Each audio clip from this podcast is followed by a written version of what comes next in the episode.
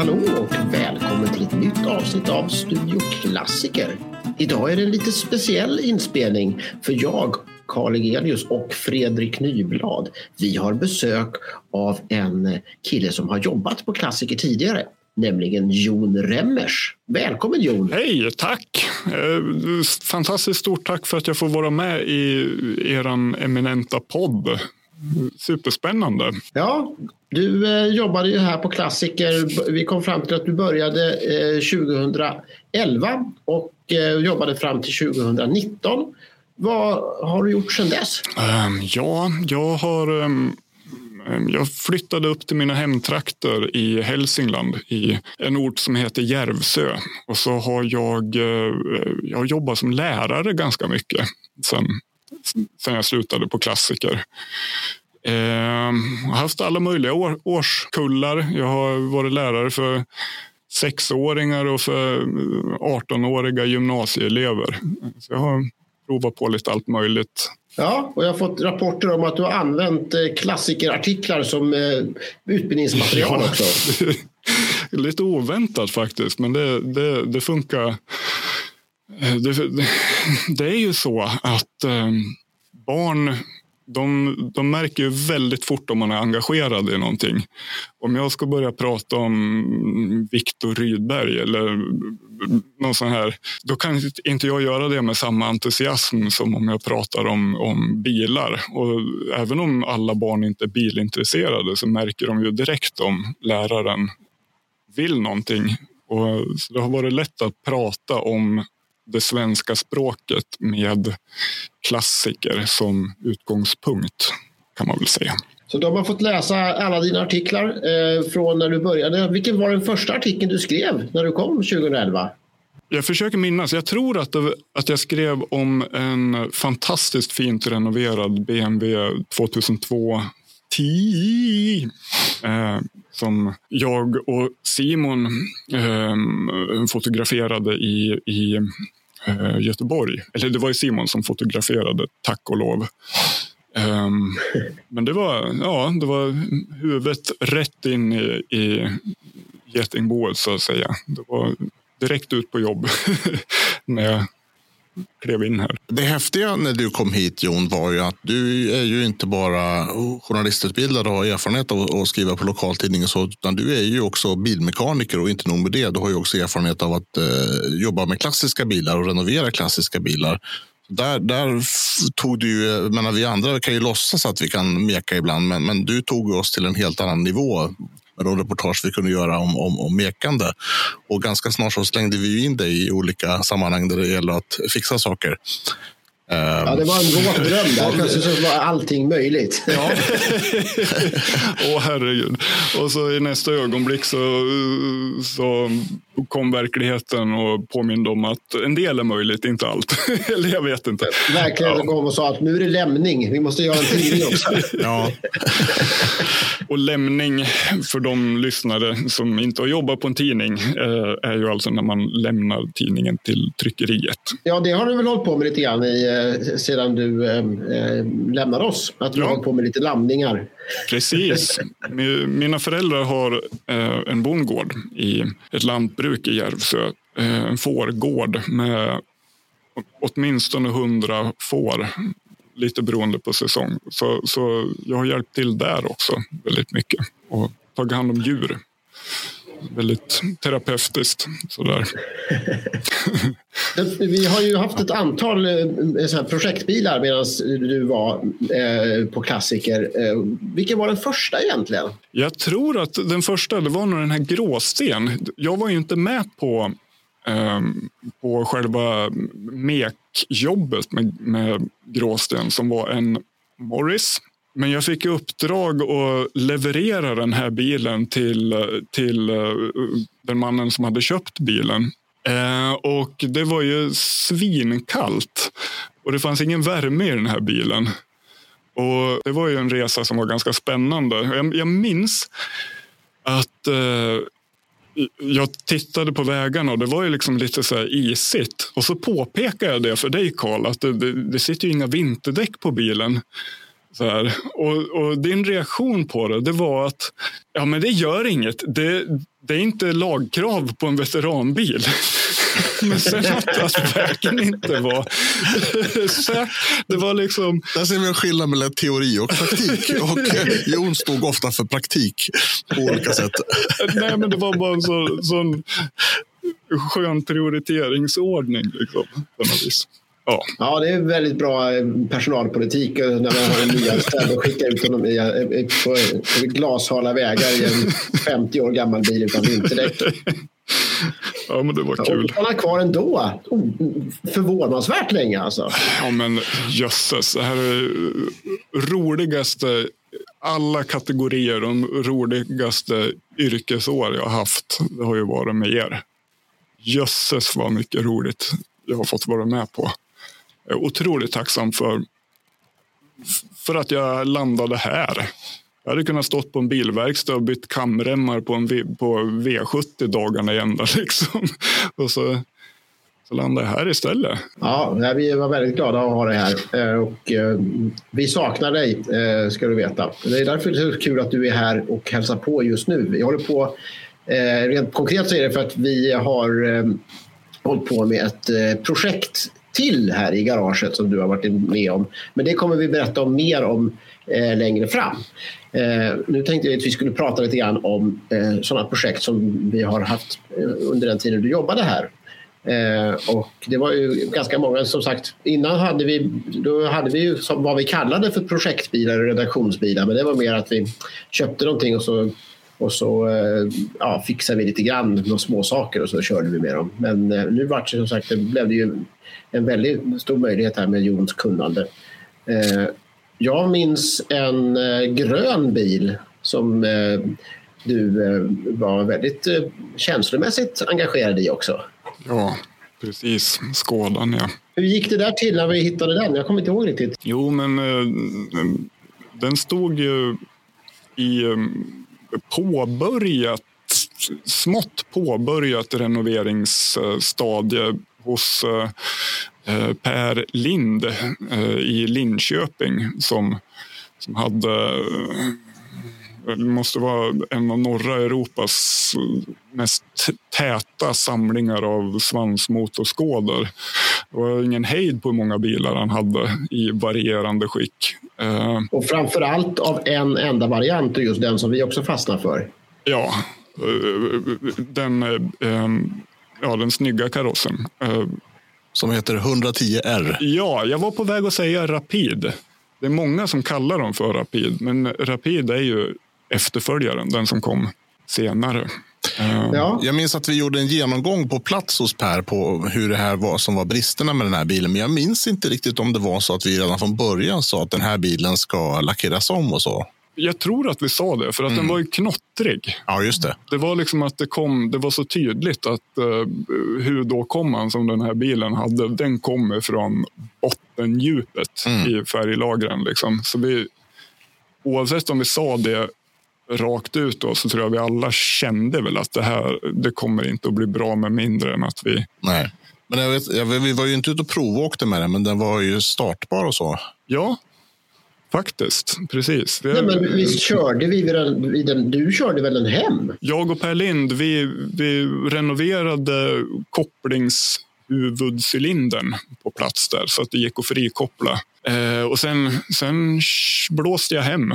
Den gick ju som Oh, vad den var kusligt instabil. det var liksom, man, man satt och parerade hela tiden på helspänn.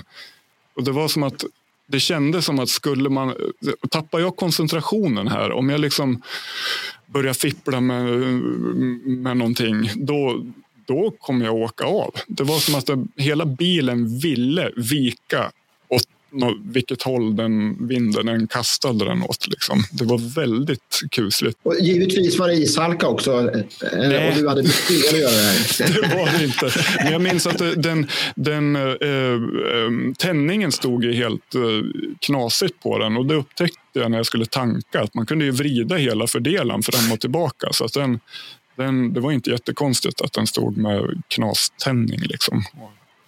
Så, men ja, det var en spännande resa. Men sen blev det ju ännu mer spännande då när vi gjorde det här eh, rost och eh, lackeringsjobbet. Eh, för otroligt nog så hittade vi ju inte så mycket rost. Nej, den hade verkligen klarat sig. Jag tror att den var ju oljesprutad. Det var ju små röda plastpluggar över hela bilen. Mm. Förmodligen det som de har sprutat in olja som har räddat den. Vi var ju då hos, hos Verktygsboden i deras showroom i Borgstena och eh, gjorde det här som en slags eh, grupparbete kan man ju säga. Ja. Eh, och Konferens, som det heter. Vad sa du? Konferens. Precis.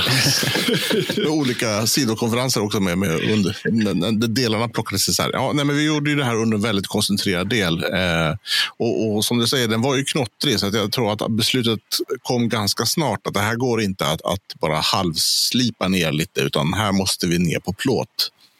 Precis. Det, ja, jösses. Jag, jag minns att Lars Edvardsson som driver verktygsboden, han, han, tog ju, han kom ju ut med, med jag vet inte, var det tio slipmaskiner eller mm. något sånt där? Alla fick en slipmaskin i händerna och sen gned vi bort färgen på bara några timmar. Det gick mm. ju jättefort att få ner den till plåtrent. Ja, det var helt fantastiskt att se hur man, hur man kan göra en bil på plåtren på, på några timmar. Ja. Bara att vi var så många som vi var. Det var ju superhäftigt. Och det blev ganska, var det totalt fyra dagar eller tre dagar till och med som vi gjorde det här på? Ja, något sånt. Ja, från, från, eh, precis från att vi började tills att bilen var lackerad. Mm. Mm. Eh, så det var, ju, det var ju helt fantastiskt. Och då var det den här eh, härliga gröna, gröna färg, originalfärgen och originalkurören som vi, som vi hade på den som, som gjorde att den Eh, så sen, så, och sen var den ju färdig, eller hur Jon? Mm, ja, medium. Det. färdig. Jag vet inte, det är någonting när, när, man, när man lackerar en bil. Då, liksom, då skickar man ju upp ribban för, för allting direkt. Det liksom, om man har ett så här halvdant dörrhandtag och så monterar man det på en dörr som är nylackerad så sticker ju det ut som en varböld i pannan. Liksom. Det, det, så vi, vi skickar ju upp nivån på det här i och med beslutet att lackera om. Då kom ju också beslutet att nej, men vi kan inte, vi kan inte, det finns ingen utrymme för att fuska här. Så vi började ju leta reda på, på vi hade jättebra kontakt med, med en firma i Tyskland som kunde leverera jättemycket av de här kosmetiska delarna. Dörrhandtagen köpte vi väl från Norge vad jag vill minnas. Och så. Men, men mm. sen ska ju delarna monteras också. Det tog, tog tog ganska många kvällar. Och du gjorde en liten shoppingresa till Berlin ja. och fick med dig så mycket som var möjligt i handbagaget. Ja, jag tror det var 32 kilo skådadelar och där, det var ju så här, vi försökte, jag flög med en sån här dagsresa med, ja, vad nu flygbolaget hette. Och så, och så åkte jag lokal, vad heter det, kollektivtrafik, tysk kollektivtrafik till hans firma. Packade hela den stora väskan som... Du, hade en, du hade en tom så här jätteresväska med ja, hjul med dig. Precis. Och eh, största formatet som, som vi verkligen fyllde. Och så ställde vi den på hans våg. Så vi maxade det incheckade bagaget. Men så var det ju det att det var ju lite småpinaler som, in, som var tunga. Liksom, men, men inte så skrymmande. Och det försökte jag ta med mig i handbagaget. Och där, bland det här, så var det två flång nya bromsok som var liksom inpackade i gladpack, sån här plastfolie. Och det blev ju lite problem sen när man, när, när, när, när man var i säkerhetskontrollen. på då, Jag minns hon, hon, som, hon, hon som kontrollerade mitt bagage. Hon frågade vad är det här? Liksom, och pekade på, på på de här två bromsåken. Och jag försökte förklara där liksom att ja, men det här är bromsok. Brems, sattel, vad nu det blir. Liksom. Och hon bara, nej, nej, nej, haupt nicht, zu viel metall. Det var liksom bara, glöm det. Det här kan ju vara handgranater. Liksom. Så att, eh, Ja, och sen började de bråka. Liksom hon i säkerhetskontrollen började bråka med någon som jobbade med incheckning. Men det landade i varje fall i att jag fick checka in mitt handbagage gratis. Så jag flög... Ja, så, att, så, så gick det. Det var ett fantastiskt smidigt sätt att transportera hem väldigt mycket delar. Och jag tror att det blev nog billigare än frakten hade blivit. Det är roligt jag, igår kväll läste jag något i amerikanska Volvo-klubbens tidning om, om hur det var för Volvo-medarbetare som skulle åka ner till Turin under 780-projektet och de hade något liknande problem. faktiskt. Med säkerhetskontrollen? Ja, precis. Och bromsdelar och sånt där som skulle med. Oh, ja. Men det blev ju väldigt, väldigt bra till slut, den här Skådan, när du, efter alla sena kvällar och alla nya delar som du monterade på. Och vi, jag skulle nog påstå att det där är Sveriges finaste Skoda 110R. Eh, I alla fall var det det då. Eh, och nu har det hänt lite grann sen, sen vi hade den där men då var de inte värda speciellt mycket. Så det var väl ingen, som, ingen vettig människa som, som eh, la ut så mycket pengar och tid på, på, på en sådan. Men hur, jag, jag, minns ju att vi när, vi när vi höll på med den här bilen och såg, fram, såg framför oss hur vi skulle ut och åka med den och sådär. Att vi kände att vi var lite smarta. Att det här var ju i princip en eh, Porsche 911 eh, med eh, svansmotor och kupékaross och, och sådär. Eh, och att vi, eh, vi skulle minsann visa hur, hur kul det kunde vara med en Skoda. Ja. Hur, hur blev det där, tycker ni? Vad tycker du, Fredrik? Vad är dina körintryck från Skådan? Alltså jag måste nog erkänna att jag mer än mina egna intryck minns andras uttryck av sina intryck. Eh, och de intrycken var oftast att jag hör inget längre, jag hör inget. Och, och sådana eh, ut, utsägelser. Mm. nej, det, den var ju inte så rolig att köra som man kanske skulle kunna tro och den var också väldigt bullrig. Mm. Men den blev absolut mer riktningsstabil än den var innan renoveringen, helt klart. Ja. Och inredningen var ju också väldigt trevlig. Det var väl det som var bäst nästan. Förutom en matta som vi bytte så var ju inredningen jättetrevlig. Men, och den var ju väldigt trevlig att se på. Folk blev ju glada när man kom. Men, men fullt så kul hade man inte som förare kanske. Nej, det är nog, jag, jag, jag läste någon, någon sån här citat i en, en, ett, från ett test när den här bilen var ny. Eh, där det var någon sån jättemärklig formulering om att skådan är som en älskarinna på vänsterkanten eller något sånt här. Och det stod att om du tittar åt sidan så kommer hon att... Jätte... Formulering som bara inte hade varit möjlig idag. Nej. Som i princip med någon slags omskrivelse beskrev att den är jättejobbig ja. att köra. Liksom. Men det är också okay. en, en väldig blandning av teknik av högt och lågt. Eh, jag tänkte senast, senast liksom på en Volvo från 80-90-talet har ju då eh, eh, små lampor när man tänder dörr, i dörrarna så att man kan varna så att det syns att man har öppnat en dörr. Och den här bilen den här östbilen hade ju det redan på 70-talet. Ja. Medan annat var ju väldigt simpelt. Minns du någon sån teknisk lösning som var väldigt simpel på den här bilen? Ja, eh, fönsterhissarna det, det, fönsterhissarna är liksom ett system med i princip eh, ett, eh, en, en remskiva med, med en vajer som är lindad 50-11 varv runt och så löper den här vajern i någon slags zigzagmönster genom hela dörren för att på något vis skicka upp. Det är, det är så tydligt. De, de har inte haft pengar för att eh, på den här lite udda kupémodellen liksom, ta fram produktionsutrustning för en ordentlig lösning. Liksom. Eh, men de har haft någon ingenjör som har varit eh, klurig och kunnat lösa sådana här grejer. Och så, och så var det så det blev. Liksom. Högtstående eh, ingenjörsdetaljer det är till exempel växelspaken. Det ser ut som, det ser ut som liksom delar från någon slags precisions... Det är fruktansvärt genomarbetad växelspaks konstruktion på den. Och så är det liksom rep och talja i, i dörren. Liksom. Jättemärkligt och superspännande på samma gång. Oh, jag ja. saknar den bilen. Den var rolig ja, att jobba med. Den har i alla fall fått ett väldigt gott hem. Eh, det var ju också en väldigt eh, gullig historia. Hur, hur den, eh, ibland kan det vara svårt att göra sig av med redaktionsbilar men här kändes det som att, att det, vi eh, förtjänar den inte lika mycket som nästa ägare. Jag fick ett mejl från eh, en tjej som heter Elin som berättade att eh, hon tyckte det var väldigt kul att vi höll på och mekade med den Skåda som hon tidigare hade ägt. Eh, det var så att hennes bror hade fått syn på Skådan på, på framsidan av klassiker i, i, i ett tidningsställ och bara, äh, det är ju syrrans bil. Och eh, på den vägen så hade Elin ja, liksom hittat kontakt med oss, tog hon kontakt med oss och eh, berättade bland annat att, vad sa hon? Om det är min gamla bil så är värmepaketet pluggat med en vinkork. Lite sådana speciella detaljer. Men det var ju alltså en bil som hon hade fått eh, av sin pappa eh, och haft några år.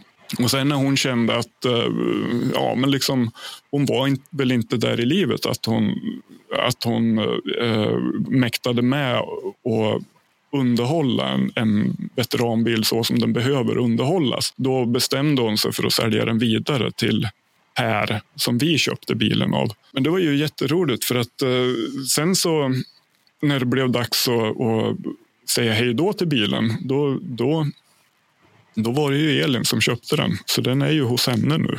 Det känns mm. ju fantastiskt kul tycker jag. Verkligen. Ja, det är verkligen superkul. Och hon trivs verkligen med den. Och hon, hon har också varit i kontakt med reservbilssäljaren i Berlin och bland annat köpt en ny huvudbromscylinder vet jag. Och, och så här. Och, ja. Så. Eh, det, ja, det, det, är verkligen väldigt roligt. Men du själv då, Jon? Eh, hur började det här med bilintresse för dig? Oj, jag tror att det började med att jag tog så stenar och bankade sönder taket på mina plåtbilar i sandlådan. För att jag, jag försökte sänka dem och liksom sektionera. Ja, men det är faktiskt så. Eh, jag, jag, när jag satt i sandlådan så ville jag bygga om dem. Liksom. Och det gjorde jag med den största sten jag kunde hitta. Så jag plattade till eh, leksaksbilar i sandlådan. Och för att de skulle se ut som, som de häftiga bilarna i biltidningarna. Ungefär så. Blev det bra? Nej, nej det, det, det, tror jag inte. Jag, nej, det kan man väl inte. Nej, men jag har liksom alltid varit liksom så nästan farligt sjukligt biten av, av bilar. Liksom jag, jag, tycker det är kul att köra bilar. Jag tycker det är kul att och framförallt meka med bilar. Men jag tycker om att sätta mig in i liksom industrihistorien. Jag tycker om att sätta in dem i ett historiskt sammanhang. Vad var det som hände i världen? När de, det, det är som att bilar binder ihop världen för mig. Och så har det nästan alltid varit. Liksom. Eh, och så är det kul att bygga om dem också. Och för dig har det ju varit väldigt mycket Volkswagen som har gällt. Vad, vad, vad, är det som lockar med dem? Jag tycker att det är spännande att det är en, en superbillig bil. Eller var. Det, var ju, det skulle vara så billigt som möjligt. Men ändå uppfylla vissa um, ja, men kriterier. Den skulle kunna marscha 100 kilometer i timmen på autobahn timme efter timme och sådana här grejer. Men ändå så när man skruvar med grejerna så häpnar man över hur mycket det finns så mycket teknik inbakad i de här bilarna som, som man bara får på köpet för att konstruktionen är jäkligt smart. Liksom. Eh, som en sån sak som bara vevhuset, det är ju tillverkat i magnesium. Hur många bilar kan du ta, ta motorblocket och lyfta det mellan tumme och pekfinger? Det kan man med en folkvagn. Det är liksom en av de billigaste bilar som gick att köpa. Hade motorblock i magnesium. Och, och så, ja men det bara fortsätter. Topplocken. Då, alla har, liksom Ford är synonyma med crossflow som då var liksom en grej man ville marknadsföra sig med på Hjälp mig nu Fredrik, du är Ford-killen. Men 70-talet ja, tror jag va? Ja. Eh, men liksom, och då då pratar man om att, eh, att eh, avgasgrenröret satt på en sida om topplocket och eh, insugningsgrenröret satt på den andra sidan så att gaserna då flödade rakt igenom. Liksom. Men jag menar, det här ett topplock som funkar på det sättet. Det hade ju liksom folkvagnarna på de första prototyperna på tidigt 30-tal. Mm. Och det är såna grejer som bara, bara, liksom, bara råkar vara där, men som andra, andra bilar hade som någon slags teknisk nymodighet ett decennium, två eller tre senare. Mm. Och det, det fascinerar mig att med den här ingenjörskonsten så kunde man bygga en billig bil som var avancerad.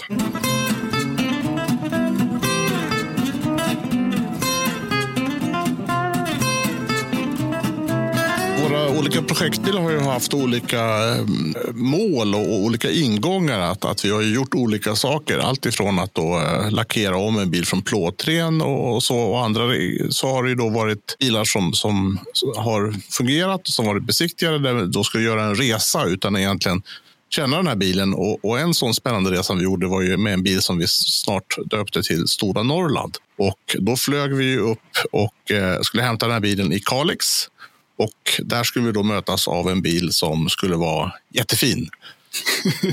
Vad såg vi när vi kom fram, Jon Remmers?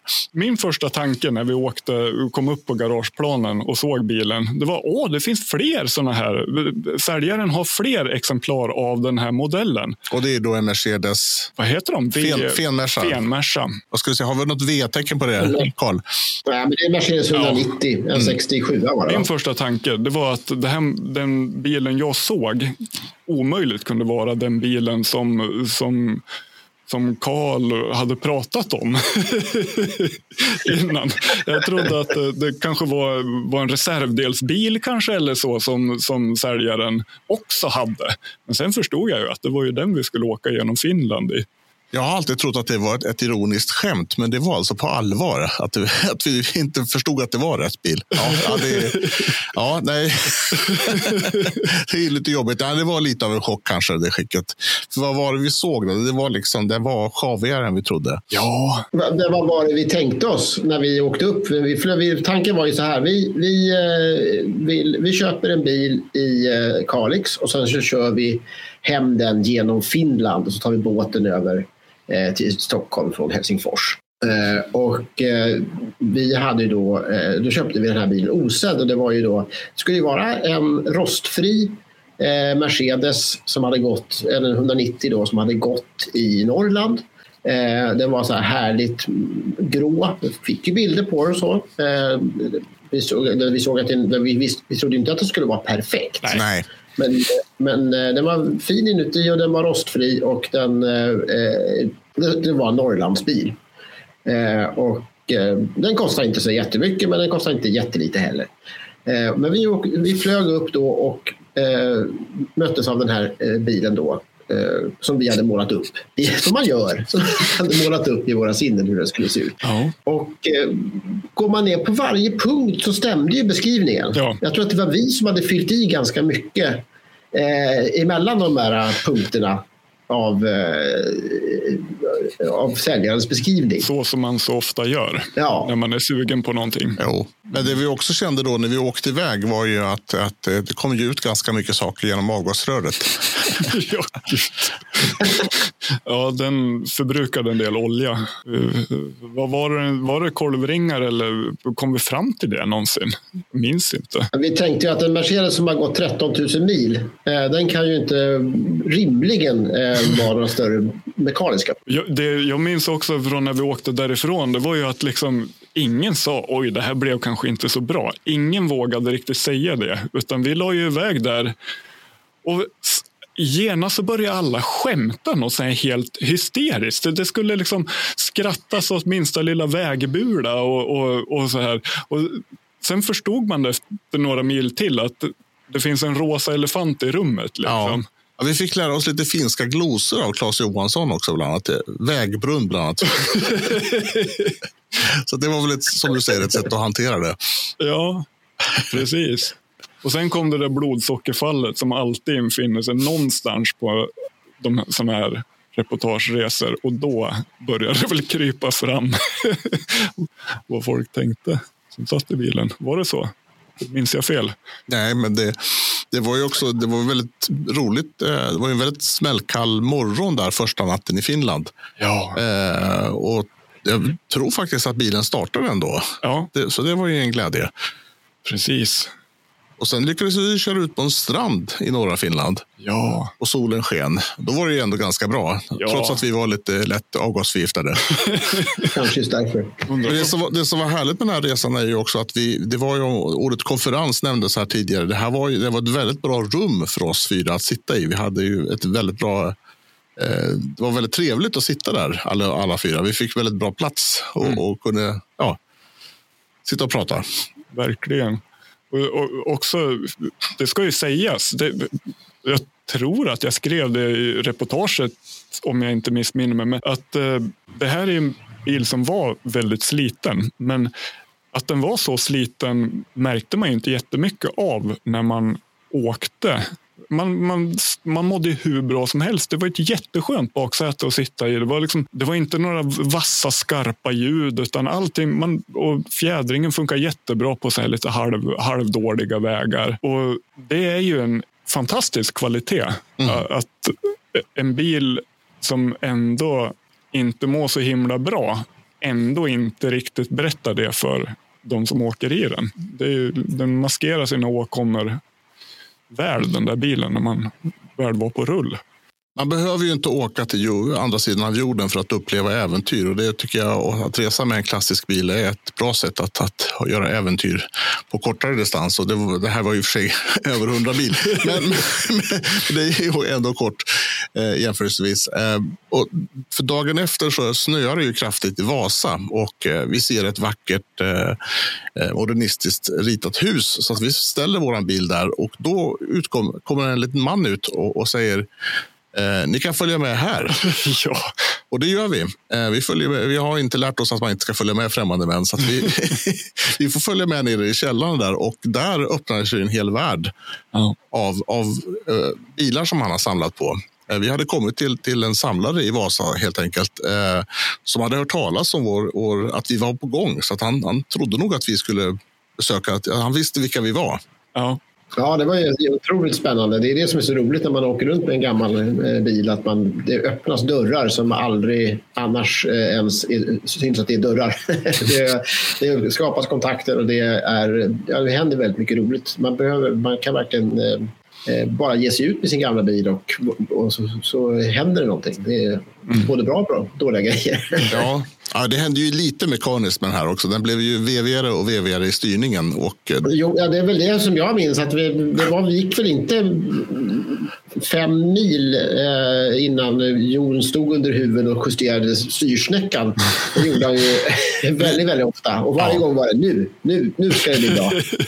Men visst är det så Jon, det finns ju en gräns för mycket man kan. Man, man kan liksom inte. Man kan inte göra det där i all oändlighet med att, att liksom dra åt och dra åt. Nej, särskilt på de där. De är ju också så... så eh, man, drar man åt för mycket så kan man ju skada den här väldigt lätt. Så att den börjar, börjar tugga sönder sig själv och bli ännu värre. Och Det var väl det där läget som var precis så mycket man vågade dra åt det innan den skulle börja självdestruera som jag- försökte hitta utan att hitta det. Lite Ja, det var ett, eh, väldigt, väldigt eh, roliga dagar där var det. Och, eh, det slutade ju eh, väldigt dramatiskt. när vi, vi Bilen svek oss ju aldrig. Den gick Nej. ju hela tiden. Ja, Eh, men när vi körde ombord på, på färjan eh, eh för att ta sista biten hem till Stockholm. Då plötsligt så, så hände det någonting. Ja, det var väl också så att det här fick inte riktigt vi reda på. Utan eh, Claes Johansson är ju en fyrbarnsfar och han vet när man inte riktigt ska berätta för sina barn eh, hur allvarligt läge man befinner sig i. Utan man ska bara föra barnen i säkerhet så att säga. Och det var väl, han höll oss lite i mörkret där om hur det var med bromsarna. Eh, och framförallt när vi då skulle ta oss ner för, för rampen från färjan. Ja. Han, alltså det sista han gjorde innan eh, vi parkerade bilen på bildäck det var att han lyckades trampa igenom bromsbladen. Det var eh, någon, någon jag kommer inte ihåg om det var ett bromsrör som gick av eller om det var en koppling till någon cylinder som, som släppte. För att, eh, men eh, i alla fall så är det ju enkretssystem på en, på en Mercedes från 67 om jag inte minns fel. Ja, så att vi fick den här överfarten över natten där från den, där var det väl vissa som sov bättre än andra beroende på hur väl informerad man var om läget. Den där rampen vi skulle av färjan, den var ganska brant vill jag minnas. Ja. ja. Det, det gick ju. Vi tog väl lite ja. varandras händer, men det var väl ganska nära att man borde ha gjort det.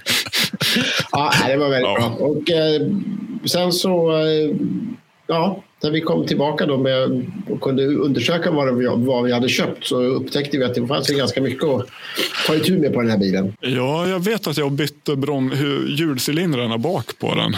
Ja, det var väl en bra idé. Sen körde vi en del med den, men vi, vi sålde den ganska snabbt. Vi sålde den på sommaren där. Vi hade med oss den på motorhistoriska marknaden och så sålde vi den på rot där till en, en glad kille från Småland tror jag det var som körde hem den. Det sista vi såg var ett stort rökmoln när den lämnade oss. Men en, blå, är... en blå ton i rökmolnen skulle jag vilja betona ja, också. Verkligen. Var det inte också så att vi upptäckte att den här bilen den var ju från Stockholm egentligen? Den var ju exporterad ja. till Norrland. Det var ju inte alls någon Norrlandsbil. Precis, det, det visade sig att den hade varit...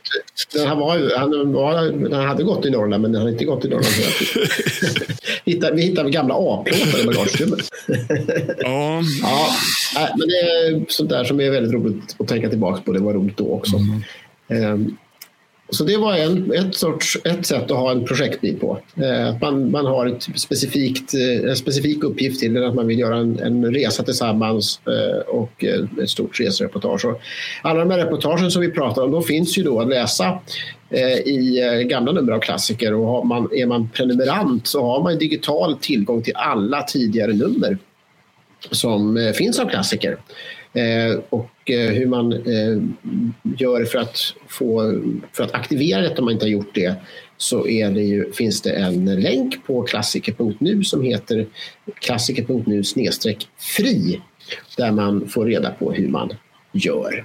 Är det någon annan så här projektbil som du eh, har ett något starkt binne av, Jon, som du var glad att slippa när du slutade? Glad att slippa? Nej, nej, nej. En av de bilar som jag verkligen minns det är ju eh, Lady Jaga, den här Jaguar XJ6. Karl, kan du berätta? Du fick köpa den här bilen Ja, det var en läsare som hörde av sig. Eh, hans pappa hade haft köpt bilen ny, eller inte ny, men han hade, tagit, han hade importerat den från Saudiarabien eh, på, på 80-talet. Det fanns, var en period där när man kunde köpa lyxbilar oerhört mycket billigare i Saudiarabien och ta hem dem till Sverige. Och fortfarande att det, priserna var en väldigt stor skillnad. Och den här mannen han som hade den, han jobbade i Saudiarabien ett par år. och kunde man ta med sig en bil hem som flyttgods. Och då tog han med sig en eh, guldfärgad Jaguar XJ6 serie 3. Eh, en 86 tror jag det var. Eller möjligtvis 85. Eh, och eh, sen körde han den eh, resten av sitt liv i princip. Eh, använde den här bilen. Eh, och eh, underhöll den och så. Men sen så, ja, när han blev äldre så var det, lite, det blev, lite, det var, blev lite skador på den och, så, och sådär. Och till slut så blev den stående hos hans son eh, eh, på en parkering utanför hans hus. Eh, och den här sonen då, han hörde av sig till oss och frågade om, om vi var intresserade. Om Vi visste någon som var intresserad av en, en eh, gammal Jaguar som inte hade varit besiktad på några år och som som det var lite skador och så på, men som i övrigt. Han försökte verkligen berätta hur, hur välskött den var. Mm. Och eh, vi blir ju ibland erbjudna bilar på klassiker. Eh, både att köpa och även bilar helt gratis. Eh, som vi har tagit emot några gånger. Det är väldigt svårt att inte ta emot en bil som är gratis. För att oftast är det med hotet att den här bilen, om inte ni tar den här bilen så kommer den gå på skroten. Och då har man ju väldigt då har man starka känslor som gör att man, man eh, det kan man ju inte tillåta. Liksom. Men i det här fallet så handlar det om eh, den här Jaguaren. Det passar inte riktigt in i vårt... Eh, vi hade någon annan projektbil som vi på med och det passade inte riktigt in i vårt flöde just då. Så jag försökte... Eh, jag kontaktade några Jaguarklubben för att höra om det var någon som var intresserad. Eh, lämnade tipset vidare. Det, var ändå, det handlade inte mycket pengar. Jag har för mig att han begärde 5 000 kronor för bilen. Mm. Ingen var intresserad av den här bilen. Så, men till slut så, så det, ja, då blev det ju sådär. Då blev det, ställde sig på sin spets. Så då, vi, då fick vi träda in där. Och köp, vi köpte den för 4 000 kronor, den här bilen. Eh, och eh, lastade på den på en släpvagn. Och sen så eh, ganska snart därpå så tog vi den till klassikergaraget och gjorde en sån här stor genomgång av den. Men även om det var ingen som var intresserad av den så tror jag ändå att det finns många som har en, sett en lockelse i en annons för en, en billig bedagad Jaguar, att hur mycket bil man kan få. Och jag tror att det finns många som kan känna igen sig i den här lockelsen att ta hand om den där bilen. Ja, Nej, men den typiska bilden av en 80-tals XJ6 som kostar 5 000 kronor, det är ju att det är ett vrak. Och det var väl det man förutsatte, det var ingen som tittade på den. Mm. Det var det man förutsätter då när man blir erbjuden en sån här bil. Men det visade sig att den här bilen var ju faktiskt i, väldigt bra skick, grundskick. Visst, det var lite skavt här och där och det var eh, hål på en stol eh, och det var hängde, innertaket hängde och, och lite sådana saker. Men den var ju ordentlig. Den hade inte gått jättelångt. Jag tror den hade gått 17-18 000 mil någonting och den hade varit ordentligt underhållen hela tiden. Så att vi, eh, när vi tog in den i klassikerverkstaden och eh, vi hade då en, en sån här två dagars maratonmeck när vi hade beställt en besiktningstid och eh, hade skaffat väldigt mycket delar och sådana saker i förväg då givetvis eh, och för att få, få snurr på den här. Och ehm, då upptäckte vi ju bit för bit hur, vilket, vilket bra köp vi hade gjort. Den låg ju mot oss hela vägen, är mitt minne av det. Sen var det väl säkert någonting som det hakade upp sig på. Men... Jag minns ju när vi skulle renovera bromsarna bak ja. och var tvungna att plocka ner hela bakaxeln. Ja, ja, ja. Det är ju, de är ju speciella de där bromsarna för bromsskivorna sitter inne vid differentialen. Eh, eller slutväxeln. Och eh, det gör att bromsåken hamnar i en helt bizarr vinkel där, där det finns nästan inget svängrum för en bra nyckel till luftnipplarna. Och eh, på den här bilen så var ju en, två, båda luftnipplarna hade liksom rostat fast komplett. Så får man knappt på en nyckel för att lufta bromsar, då får man ju inte på de saker man behöver för att trilskas med någonting som har rostat fast heller. Så ja, vad var klockan? Elva och sånt där när vi fick ner bakvagnen och, och så det blev sent. Du sätta in nya nipplar, var det så? Ja. Men det löste sig ju. Det, var ju ja. liksom, och det gjorde också att vi fick möjlighet att kolla hur liksom infästningen såg ut. Och det, jag minns den där bilen som väldigt bra mekaniskt i grunden. Men då just också att ja. vi kunde få den besiktiga på, på eh, den här snabba insatsen gjorde också att vi, som du sa, att den, den låg mot oss. Det gjorde också att vi eh, gav tillbaks till bilen också steg för steg. Att vi, när vi kände att, att det här var en bra bil så gjorde vi ju olika saker senare just därför att vi tyckte att den var värd det. Verkligen. Och det var ju flera olika projekt. Vad gjorde vi egentligen? Vi bytte innertaket. Ja. Vi eh, ordnade väl så att stolarna i fram blev... En, det var bara förarstolen som behövde renoveras. Vi, vi, vi fick tag på en stol på Blocket som vi lät renovera. Sen kunde vi bara lyfta in den. Så det jätte, jättefint skick. Det var, så det var, ja. Och sen så hade vi ju, eh, det var ju den här typiska rosten runt vindrutan. Ja. Eh, som är så tråkig på så många bilar. Och det fick vi lära oss hur, hur man eh, fixar det. Ja, det. Eh, jag skulle ju inte vågat mig på att köpa en bil som hade rost där. Men det var ju dessutom en annan skada som jag inte heller hade, hade fått mig att avstå från ett köp. Och det var ju det här typiska att, man, ja, att det blir parkeringsskador på, längs hela eh, eh passagerarsidan. Så. så var det ju ja, eh, flera skador som löpte över både skärmar och dörr. Mm. Så det gjorde vi i två steg, de här lagningarna. Och det var, där var det ju verkligen inte så att vi var ute efter någon bil i utställningsskick, utan vi, vi, vi, eh, det var en bil som vi reparerade kontinuerligt. En, en typisk rullande renovering. Mm. Att vi ordnade en grej och sen körde vi och sen ordnade vi en grej till och så, så körde vi vidare. Ja, inte minst körde också. Ni körde ju till Tyskland fram och tillbaka på, på Ja, precis. Var ute och toppfartstestade den där på. Skrämde tyskarna med vår engelska lyxbil.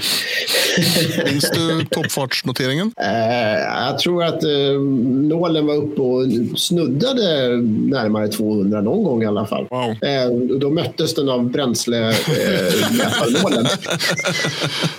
ja, men jag, jag använde ju också den där bilen. Jag, jag lånade väl den större delen av semestern det, den sommaren. Ja, den sommaren du hade blivit pappa, var ja, det så? precis. Var det min, pappa? min förstfödda Lo, hon, hon åkte jagga den sommaren.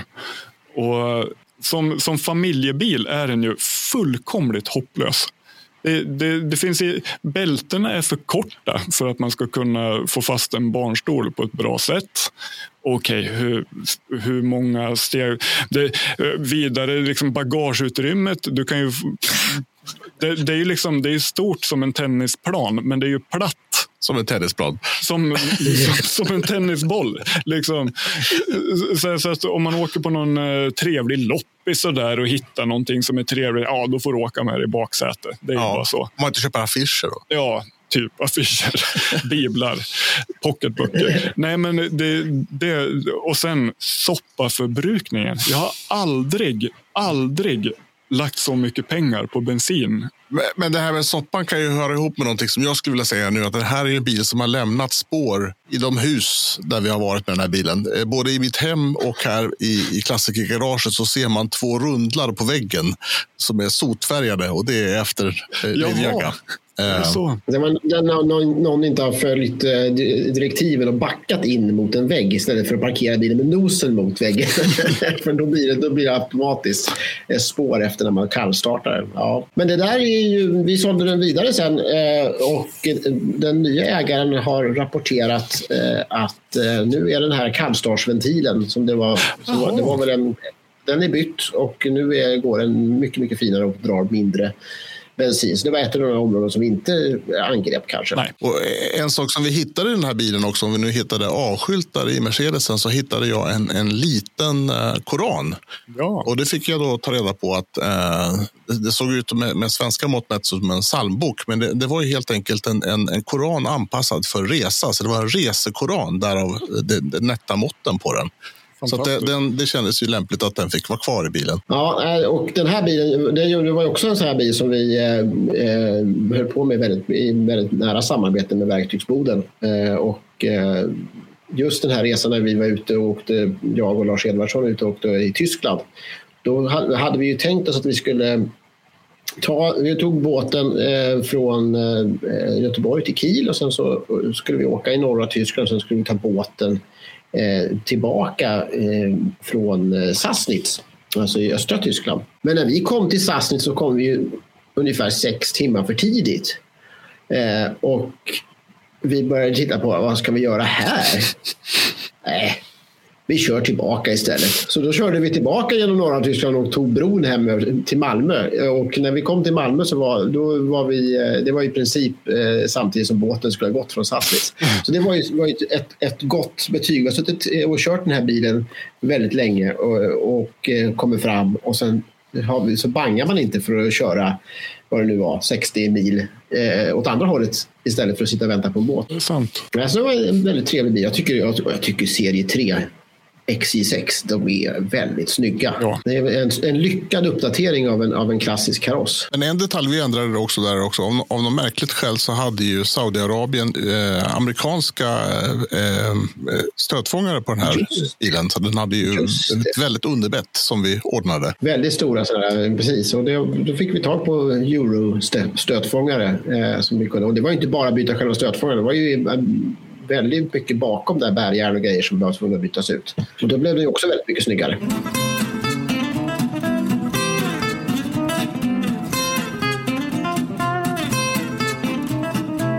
Men Jon, eh, är det lamm som gäller nu framöver eller är det något annat kul på gång? Jag är färdig med lammen. Jag är färdig med lärar, lärarjobbandet också. Jag håller faktiskt på att startar en bilverkstad. Jaha, så nu ska du få byta lite kamremmar på V70 i alla fall? Då. Nej, det, det, här kommer att bli en, en eh, bilverkstad med en väldigt tydlig inriktning på eh, entusiastbilar, säger jag. Jag väljer att kalla det för entusiastbilar hellre än veteranbilar, mm. för att då är man inte lika bunden av att det ska vara 30 år. Så det är lite en cirkel som sluts för, för mig, för det var ju när jag började på klassiker, då kom jag direkt ifrån ett jobb där jag fungerade som mekaniker i, på en, ja, en liknande verkstad som renoverar och underhöll entusiastbilar. Så att mitt spår, eller min riktning i livet, det har ju varit nu sen jag slutade på klassiker att jag ska bli lärare. Men eh, av någon anledning så har det inte riktigt känts rätt. Och eh, jag har grubblat rätt mycket på vad jag, mm, vad jag, vad jag, vad jag vill med kommande åren. Ehm, och eh, helt plötsligt en väldigt sen kväll när jag låg och tänkte på det här så men vad, vad är det jag går och längtar efter? Vad, vad är det jag verkligen skulle vilja göra nu? Och eh, då testade jag olika scenarion. Vill jag att någon ska ringa upp och erbjuda mig tre månader med, som svenska lärare? Eller jag vill ju faktiskt egentligen hålla på med bilar. Jag hade ju som allra helst hoppats att någon gammal läsare eller bekant eller så hörde av sig med en fruktansvärd massa problem på en rolig bil och att jag fick jobba med den. Och då kanske man ska lita på den känslan i magen. Och, och på den vägen så har jag eh, Ja, jag är precis i, i processen nu att starta ett eget företag som då kommer att vara den här verkstaden där jag, där jag hoppas få jobba med det helt enkelt. Vad är det för typ av jobb du ska ta dig an då? Är det att, oljebyten eller delrenoveringar? Eller? Ehm, jag ser framför mig att det kommer att bli både och. Ehm, allt ifrån helrenoveringar, projekt som kan ta år i anspråk till, eh, till kortare jobb som en helt vanlig service, bromsbyten, eh, eh, kanske byta ett elsystem, renovera ett elsystem, kanske byta en sufflett på någon bil, kanske byta en tröskel på någon annan bil. Mm. Från det lilla till det stora så, så vill jag jobba med det helt enkelt. Det har funnits en stark kultur i Sverige av att man ska, om man håller på med gamla bilar ska man göra det själv. Att inte göra det själv är lite fusk. Men sen så med åren så känns det som att vi är allt fler som håller på med gamla bilar utan att egentligen kunna göra allting själv. Och där, där kommer då en sån som du in. Jag tänker att man, man, ska, väl, man ska vara väldigt uppmärksam på vad, vad man gör med sin energi och med sin tid. Jag tror att det är många som nu känner att jo, men jag kan säkert göra det här själv. Men jag kommer att få sitta och läsa på nätter i ända på internet om, om hur jag felsöker det här eller så. Och det funkar inte i... Det kanske funkar när man är 20 att göra det. Men när mm. man är 40, 50, 60 och har en familj och man har ett eh, förmodligen mycket mer krävande jobb och så vidare, då, då, då tror jag att det finns utrymme för en specialiserad bilverkstad mm. på ett mm. annat sätt. Var, var kommer du att hålla hus? Min hemkommun, Ljusdals kommun. Det ligger 30 mil norr om, eh, om Stockholm på ett ungefär. Det, Järvsö har väl synts en del i media eh, Eh, nu. Det är ju en, en um, turistort i högsta grad. Um, så min, min förhoppning det är väl att de människor som uh, kanske tycker att det är lite jobbigt att transportera en bil 30 mil um, de, de kanske ändå kan se att det finns väldigt mycket att göra i Järvsö. Man kanske kan få med sig barnen eller barnbarnen i baksätet på bilen och gå ett varv i djurparken eller man kanske kan kombinera det med något, någon av de andra aktiviteter som finns att göra där. Då. Medan du håller på och helrenoverar din bil? Ja, det får nog vara ett av de där lite kortare jobben. Då. Men det, det, finns saker att göra eh, som, som inte är kopplade till, till bilar som man kanske kan locka med sig sin familj man kan kombinera saker. Det är lite så jag tänker. Sen finns det ju ett väldigt starkt fordonsintresse i Hälsingland också, på nära håll. Verkligen. Ja, alla kommer inte behöva åka exakt 30 mil, tror nej, jag faktiskt. Nej, nej naturligtvis inte. men jag hoppas att, att, att jag får kunder från när och fjärran, så att säga. Mm. Ja, det är, men vad, så här, drömuppdrag, vågar du uttala dig om några sådana? Oj, oj, oj.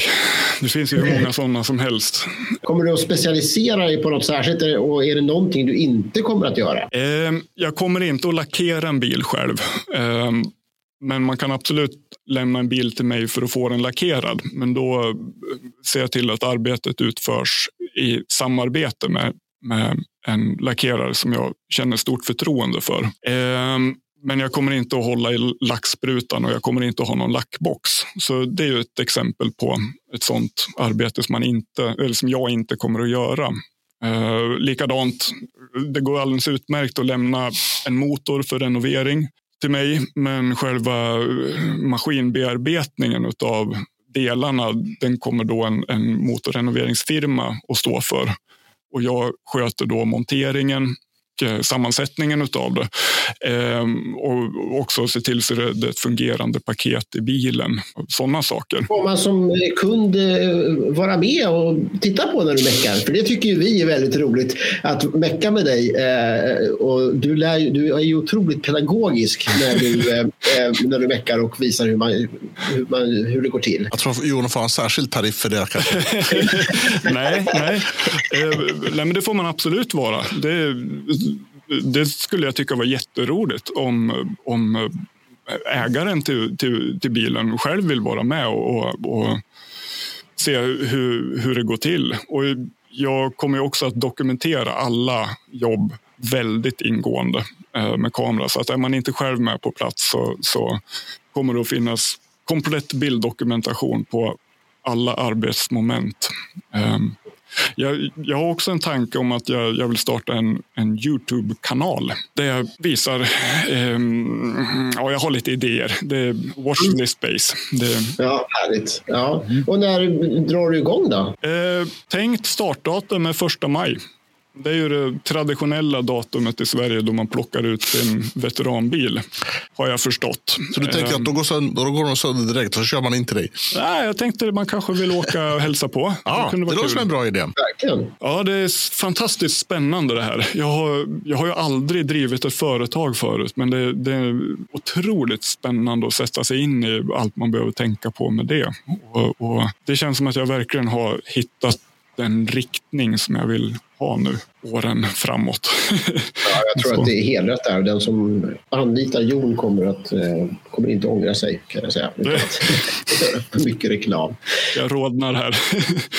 och eh, jag hoppas att vi kommer att kunna också kunna samarbeta med klassiker. Du kommer ju, kommer ju att kunna kommer få kontakt med väldigt många roliga bilar genom ditt jobb förhoppningsvis. Och eh, det kanske är någonting som kan spela över i klassiker också framöver. Ja. Får dina mektips och så här, eh, det här också. hoppas jag. Du, vi nämnde tidigare det här med att, att, att, byta olja på en Volvo V70. Men, men det, att, att hålla på med klassiska bilar kan ju ta väldigt lång tid. Eh, Eh, Eh, och man får vara lite orolig för din arbetstid och för din familj och så där. Det, det gäller ju att, att kunna se till att jobb tar den tid de får kosta också någonstans. Hur, hur tänker du kring det? Att, att liksom det, det, det, är ju ganska svårt att göra en avgränsning.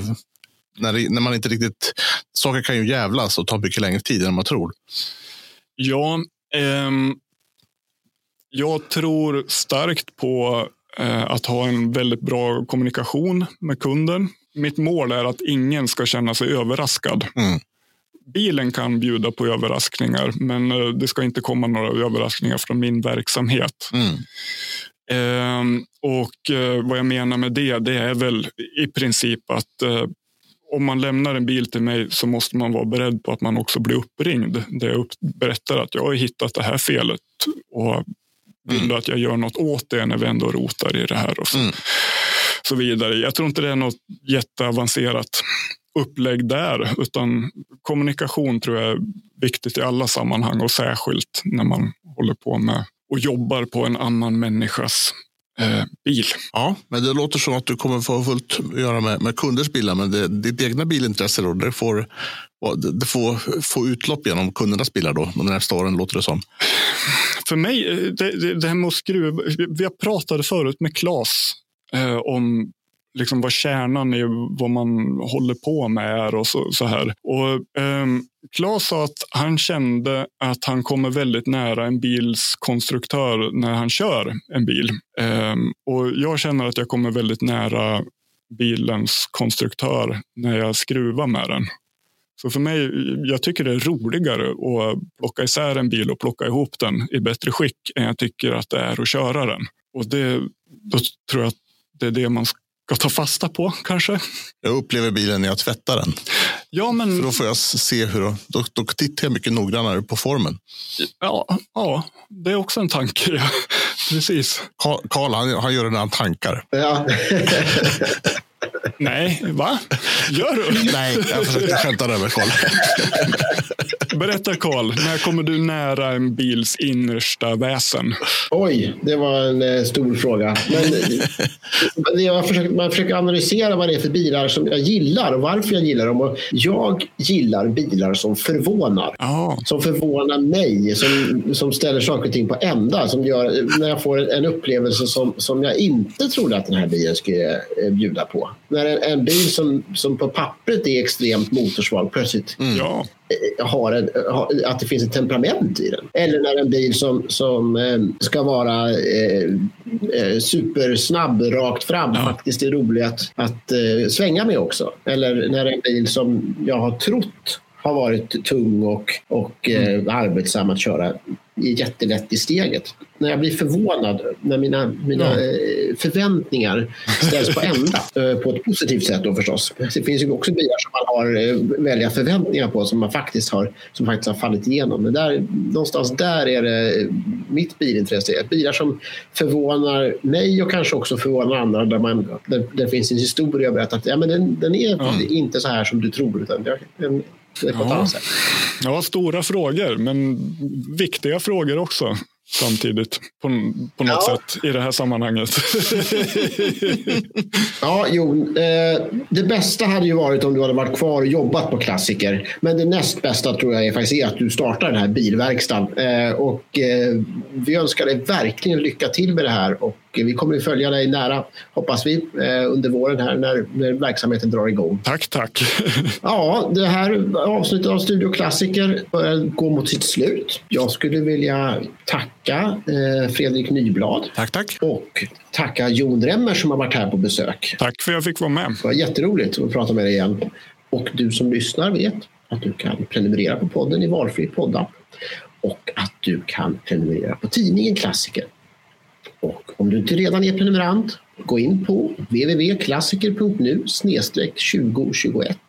Klassiker.nu 2021. Där finns ett erbjudande som bara är hoppa på så blir du en i klassikergänget. På återhörande.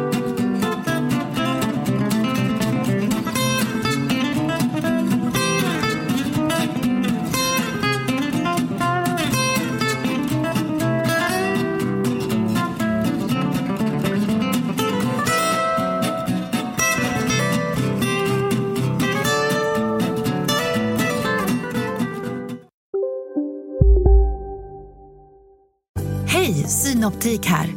Visste du att solens UV-strålar kan vara skadliga och åldra dina ögon i förtid? Kom in till oss så hjälper vi dig att hitta rätt solglasögon som skyddar dina ögon. Välkommen till Synoptik. Ja, Hallå? Pizzeria Grandiosa? Jag vill ha en Grandiosa capriciosa och en pepperoni. något mer? Med kaffefilter. Ja, Okej, ses samma. Grandiosa, hela Sveriges hempizza. Den med mycket på. Psst! Känner du igen en riktigt smart deal när du hör den? Fyra säckar plantjord för 100 kronor. Byggmax. Var smart. Handla billigt.